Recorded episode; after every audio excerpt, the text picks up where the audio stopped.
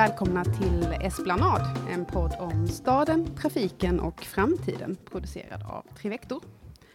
Jag heter Caroline Ljungberg och jag befinner mig just nu på Trivectors årliga julglögg i Lund tillsammans med en publik.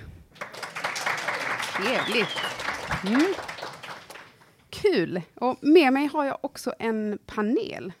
Det är Emma Berginger som är kommunalråd och ordförande i tekniska nämnden i Lund. Jag har eh, Lena Smidfeldt Rosqvist, forskningschef på Trivector och Christian Dymén, forskare på Trivector. Välkomna. Tack. Kul Tack så att ha mycket. er med. Mm. Jämställdhet. Det innebär att män och kvinnor ska ha samma makt att forma både samhället och sina egna liv. Och det innebär att de ska ha lika möjligheter att påverka och att bestämma. Och att kvinnor och män ska ha makt över sina egna transportval. Det betyder i praktiken att män och kvinnor ska ha samma möjligheter att välja de resealternativ som passar deras förutsättningar, värderingar och prioriteringar bäst. Och I planeringen av transportsystemet så betyder det att både mäns och kvinnors förutsättningar, värderingar och prioriteringar ska ligga till grund för det transportsystem vi skapar och de ska väga lika tungt. Sen har vi en rad forskningsstudier, vi har resvaneundersökningar i Sverige och internationellt och de visar att det finns skillnader mellan mäns och kvinnors resmönster idag. Det är färre kvinnor än män som har tillgång till bil och har körkort. Och bland de som reser med kollektivtrafiken så utgör kvinnor en större andel. Och med allt detta så undrar man, kommer transportsystemet någonsin att bli jämställt? Och det första jag funderade på eh, när jag började läsa in mig kring det här var, hur ser ett jämställt transportsystem ut? Går det att svara på den frågan? Emma? Ja, alltså, jag tänker ju precis på det du säger här, att, att män och kvinnor ska ha samma makt att forma samhället och sina egna liv. Och transporter är en väldigt viktig del av samhället och ens möjligheter att, att forma sitt eget liv. Så att därför så måste ju de här transporterna svara upp mot de behoven. Och det handlar också om de jämställdhetspolitiska målen. Jämn fördelning av makt, ekonomisk jämställdhet, jämställd utbildning, jämn fördelning av det obetalda hem och omsorgsarbetet och jämställd hälsa. Och såklart att mäns våld mot kvinnor ska upphöra. Och allt det här integreras ju och samverkar i transportfrågan. Mm. Håller ni andra med? Absolut. Mm. Verkligen. Mm. Är vi på väg åt rätt håll när det kommer till ett jämställt transportsystem? Jag tror att det är komplext. Mm. Vi har ju dels, om vi tänker resmönster, hur kvinnor och män av olika grupper reser idag. Det är ju kanske där någonstans vi vill påverka. Eh, men sen har vi ju de normerna som styr inom transportbranschen. Eh, vi har ju sett exempelvis att inom de svenska kommunerna så är det snittet 20 procent kvinnor i transportnämnderna, alltså de, eller de nämnder som jobbar bland annat med transportfrågor. Men sen är ju, bara för att vi får in fler kvinnor i politiken så är det inte säkert att själva politiken blir mer jämställd. Eh, Vi har olika typer av maskulina och feminina normer som styr. Mm. Och de är jättesvåra att studera, men jag tror att det är där någonstans problemet ligger, varför vi vet väldigt mycket och vi har olika verktyg för att jobba med jämställdhet, men ändå händer inte tillräckligt mycket. Mm. Kan man se några skillnader Sverige och internationellt? Det ser ganska lika ut kan man säga liksom inom transportbranschen om vi tittar internationellt och i Sverige. Eh, Sverige har en lite högre nivå generellt sett eh, på representation av kvinnor. Det man däremot kan säga om den frågan är att det är en större skillnad eller sämre representation av kvinnor i just transportbranschen. Det är också en större skillnad i sånt som eh, har nämnts tidigare i, i värderingar när det gäller just transportfrågor än när det gäller andra typer av sektorer. Och om vi tittar på Sverige, har någonting ändrats sedan 2001 då transportsektorn fick ett specifikt jämställdhetsmål och som numera är en del av funktionsmålet? Går det att säga det? Ja, men det finns nog en del tecken på att det ändå är eh, att det går åt rätt håll. Den, de där 80 procenten som Christian nämnde att vi har ojämställda transportnämnder, till exempel trafiknämnder i kommunerna. Det går svagt, svagt uppåt. Eh, för tio år sedan så låg det liksom strax under 80 procent och nu är det eh, strax över.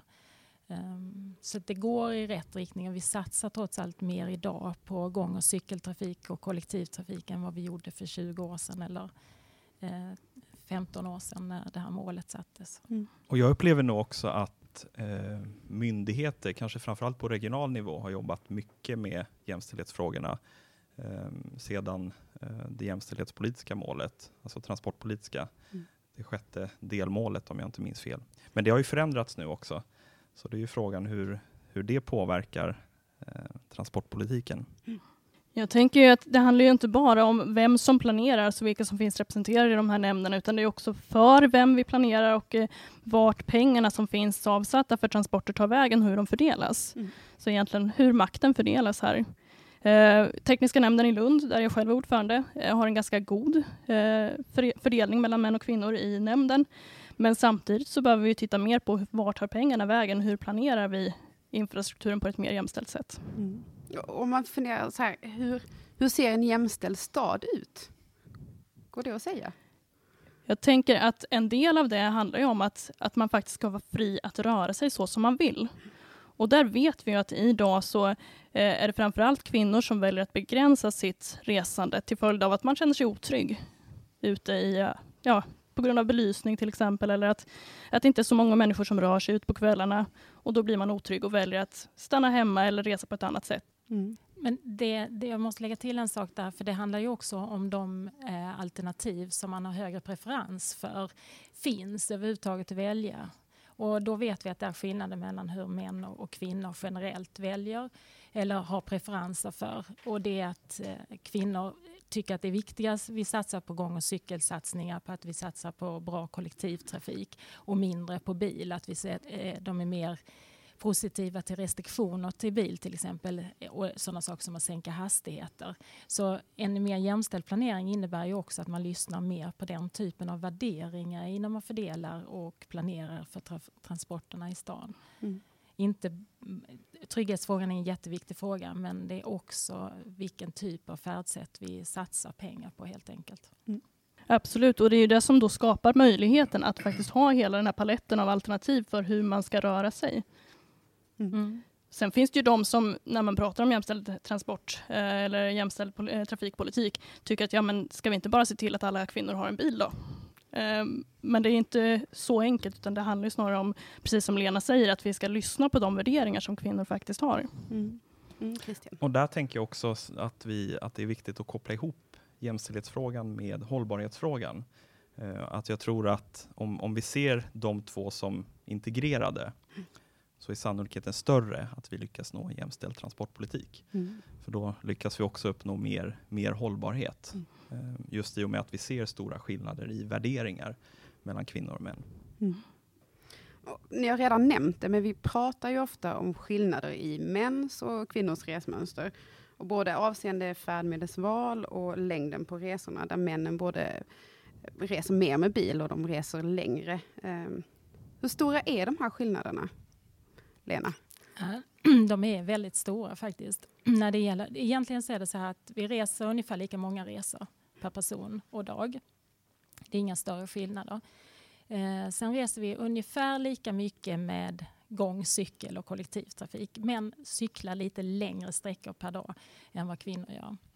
Men den riktigt stora skillnaden är just bilresandet. Uh, och där är det, jag tror om jag minns rätt, den siffran nu 42 procent längre som män kör kilometer per person och dag. Och det, de, man kör längre för alla ärenden, vilket inte heller brukar vara känt. Så att säga. Man tror att ja, ja, men det är för att de pendlar längre. Ja, det gör de och den stora skillnaden ligger just i pendling och tjänsteresor. Men män reser faktiskt fler kilometer med bil per person och dag för alla ärenden än vad kvinnor gör. Även handelsresor? Även och, eh, service, handel, mm. fritidsresande och så vidare. Ja. Mm. Men vad beror de här skillnaderna på? Hur, hur har det blivit så? Man kan ju tänka sig att eh, är det så att eh, kvinnor i större utsträckning än män tar hand om det obetalda hem och omsorgsarbetet så är det klart att då har männen mer tid också att tillbringa i transportsystemet för att ta sig längre sträckor. Plus att vi har en ekonomisk ojämställdhet som också representeras här. Mm det är jätterelevant, men sen har vi de här värderingsskillnaderna som är svåra att, att, att härleda just till skillnader i, i inkomst och, och, eh, och de, de, de, de, är, de är svåra mm. att veta vad det beror på. Um, och, det, och det kan ju ha att göra med Ehm, hur, vi, ja, med hur vi är uppfostrade, sociala normer. Eh, och därför tror jag också att det är viktigt just för att uppnå den, den jämställda staden att vi tittar på planeringsutbildningarna, eh, trafikplaneringsutbildningarna. Så att bara för att vi har kvinnor så är det inte säkert att vi uppnår mer, mer hållbara och jämställda städer, utan vi behöver förändra i utbildningarna. Alltså att både kvinnor och män kan vara skolade i en klassisk maskulin norm Mm. i hur, hur vi planerar. Där just ingenjörstänket är kanske det, det primära. Att allt blir en ingenjörsfråga. Men kvi Absolut. kvinnor reser mer hållbart än män. Men är det så lätt så att om vi får männen att göra likadant, blir det jämlikt då? Och hur, hur ska man kunna lösa det? Hur kommer vi dit? Man kunde ju önska att män i högre utsträckning också skulle börja värdera sådana saker som till exempel hållbarhet. Eh, för då hade vi kunnat ställa om transportsystemet så att det blev mer hållbart och jämställt. Vi, vi har faktiskt tittat och räknat på det ett par olika omgångar till och med nu alldeles nyligen som inte är publicerat än.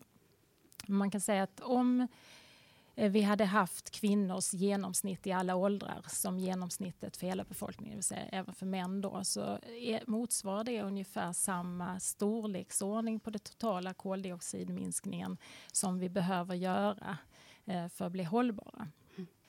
Sen betyder ju inte det då att det per definition blir ett hållbart transportsystem eller jämställt transportsystem för att det kräver ju att vi har samma makt och vi har makt att välja så då är man ändå som jag ser det tillbaka på att vi måste ha olika färdsätt som är relativt sett lika attraktiva för annars har vi ju inte själva makt att välja om någon annan har valt åt oss. Mm.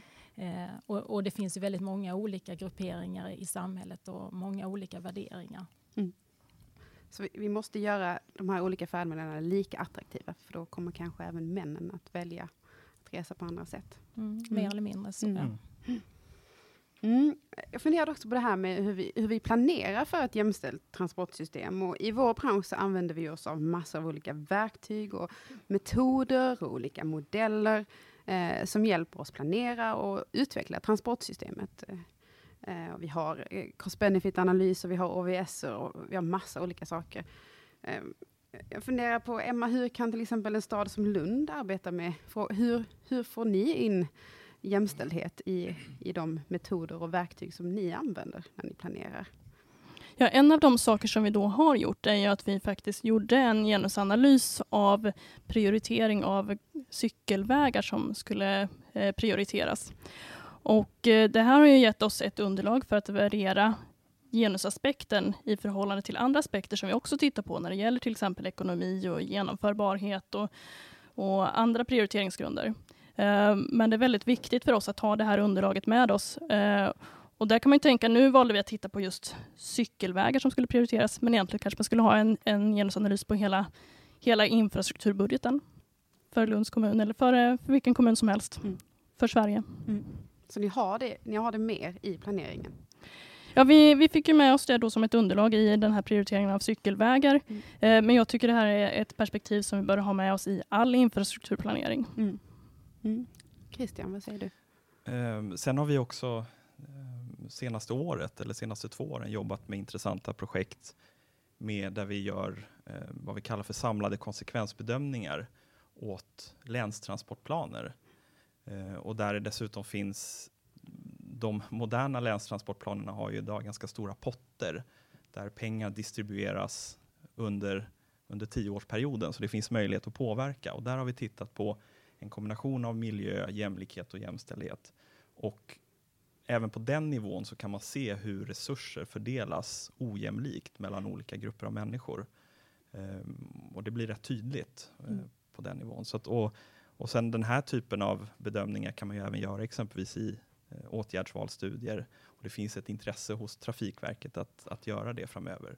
Men det är nytt och det behöver utvecklas Mm. mer. Men räcker de verktyg som vi har? Jag vet att ni presenterade ett nytt verktyg redan eller häromveckan eh, som Trivector har tagit fram Mm, eh, för att inkludera de här frågorna. precis. Mm. Vi kallar den för smocken, ehm, en samlad konsekvensbedömning. Och jag tror att den, den är bra för att ge en övergripande bild av hur resurser fördelas och hur olika transportförslag ehm, påverkar olika grupper av människor. Men sen har vi hela den biten med mer en jämställd representation eh, som är, man kan absolut utvärdera det, men det är svårt att påverka eh, den biten. Däremot upplever jag absolut att, att de här eh, konsekvensbedömningarna är ett verktyg för länen att, att eh, rikta in sig på ett nytt sätt. Mm. Lena? Jag tänker att det, alltså det finns ju en massa verktyg och det har egentligen funnits under ganska lång tid och så förfinas de och så försöker vi göra dem så att de blir lätta att använda för politiker till exempel, beslutsfattare av olika slag.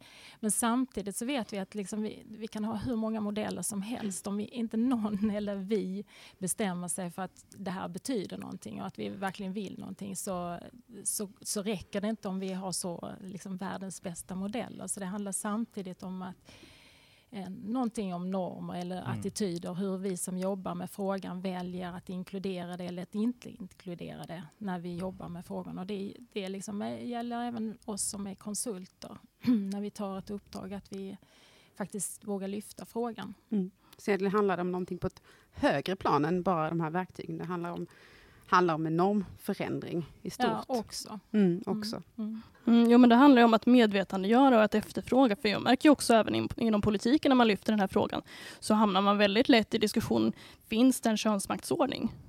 Och eh, vad är en, en jämställd cykelvägplanering? Vilken cykelväg gynnar egentligen kvinnors cyklande kontra mäns cyklande? Och så får man en diskussion om att ja, men alla cyklar ju på alla cykelvägar.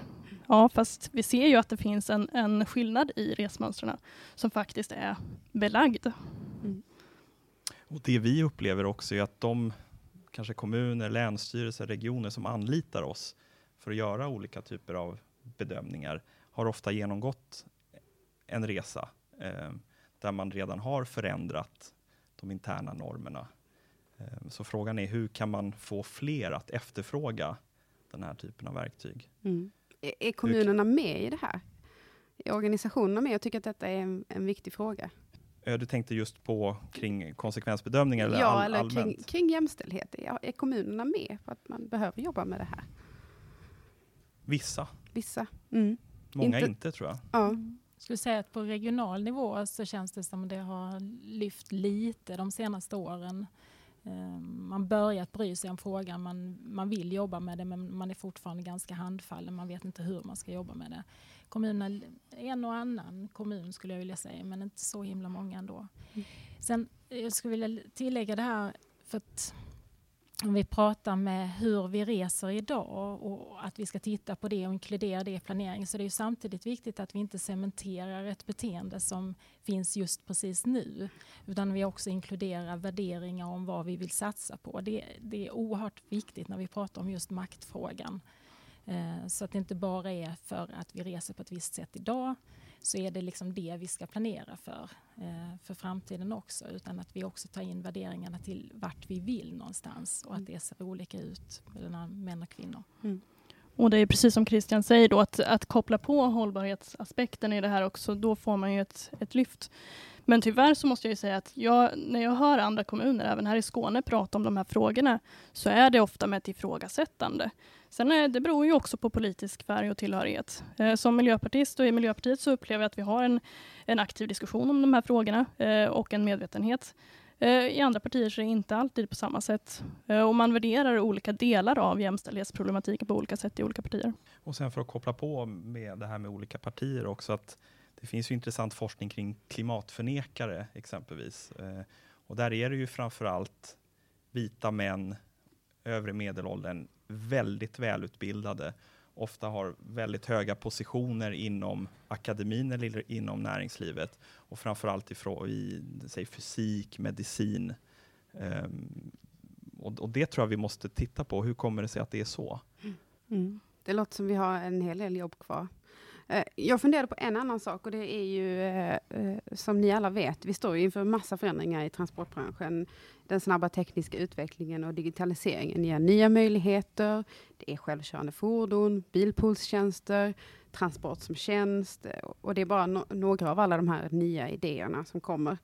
Alltså, vad kommer de här trenderna som självkörande bilar och transport som tjänst, vad kommer de betyda för jämställdheten i transportsektorn? Går det att säga någonting om? Det beror väl egentligen på om värderingarna ändras också och eh, efterfrågan på transporter. Eh, och vilka möjligheter det finns. Alltså, eh, kommer tillgången för kvinnor, hur kommer de vara till, till självkörande bilar? Kommer självkörande bilar vara alldeles för dyrt för de flesta kvinnor? Beroende på att vi har olika ekonomiska ramar. Kommer det vara så att man kanske upplever det som tryggt eller otryggt? Jag menar, att sitta själv i en självkörande bil sent om natten. Ja, å ena sidan så har man inte den läskiga taxiföraren med sig. Å andra sidan så är man där helt själv om det skulle hända någonting. Mm. Kan detta vara ännu fler liksom, maskulina eh, delar som kommer? Va, vad säger du, Lena? Jag tänkte som komplement till det att det, vad, vad, om det kommer att ha betydelse, eller på vilket sätt det kommer att ha betydelse för jämställdheten är hur vi väljer att hantera det helt enkelt. Och där är det faktiskt tillbaka till det här med, med klimatfrågan och hur vi, vad vi vill med transportsystemet som ser generellt sett väldigt olika ut mellan män och kvinnor idag. Eh, så om vi liksom tar alla de här nya sakerna som kommer med all säkerhet mm. och inte hanterar eh, att vi riskerar klimatomställningen då eh, kommer vi få ett mindre jämställt transportsystem än om vi hanterar de frågorna och säger ja det är jättebra med ny teknik men vi måste bara se till att den används på ett sätt så vi ökar hållbarheten. Det kan bli bra. Mm. Det kan bli bra men mm. det kan också bli dåligt. Mm. Jag tänker lite självkörande bilar, elbilar. Om, om diskussionen enbart handlar om att det här ska ersätta bilar i städer, ja men då är det lite business as usual. Vi fortsätter på samma bana fast det, det blir lite mindre utsläpp. Mm. Eh, och där tror jag att vi riskerar att, att fortsätta liksom i samma spår. Däremot tror jag att det är absolut, jag tänker ute på landsbygd, det kan finnas väldigt bra arenor för självkörande bilar. Men vi ska inte utgå från de självkörande bilarna kan ibland vara ett svar på ett problem. Men, men de är inget självändamål. Och det, mm. och det tycker jag idag att det, det är stort fokus på tekniken. Mm. Och vi funderar inte på vad är det tekniken gör egentligen? Och vad är mm. syftet?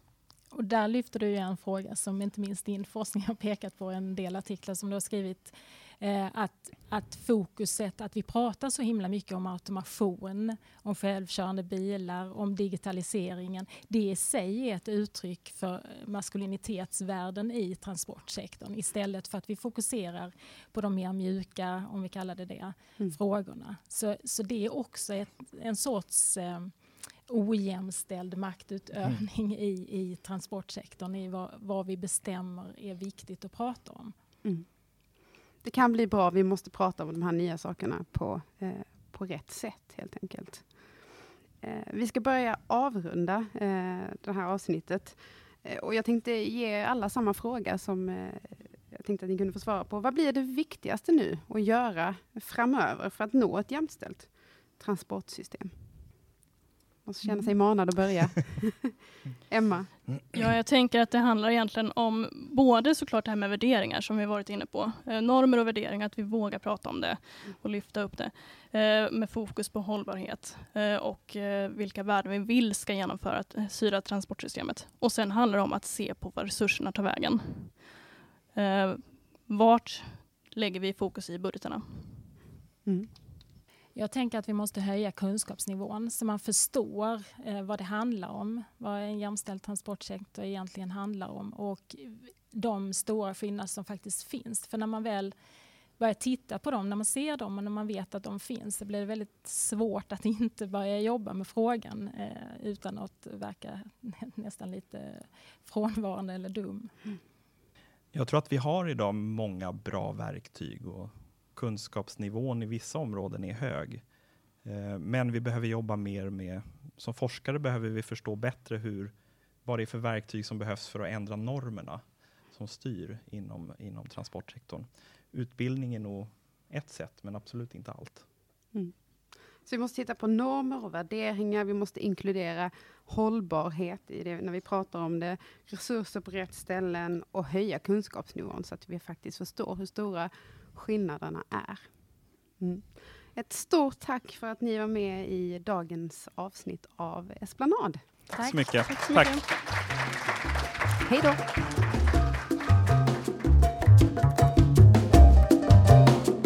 Vill du veta mer om podden eller om Trivector? Besök då trivector.se. Och har du tips eller tankar om podcasten? Hör av dig till esplanad.trivector.se.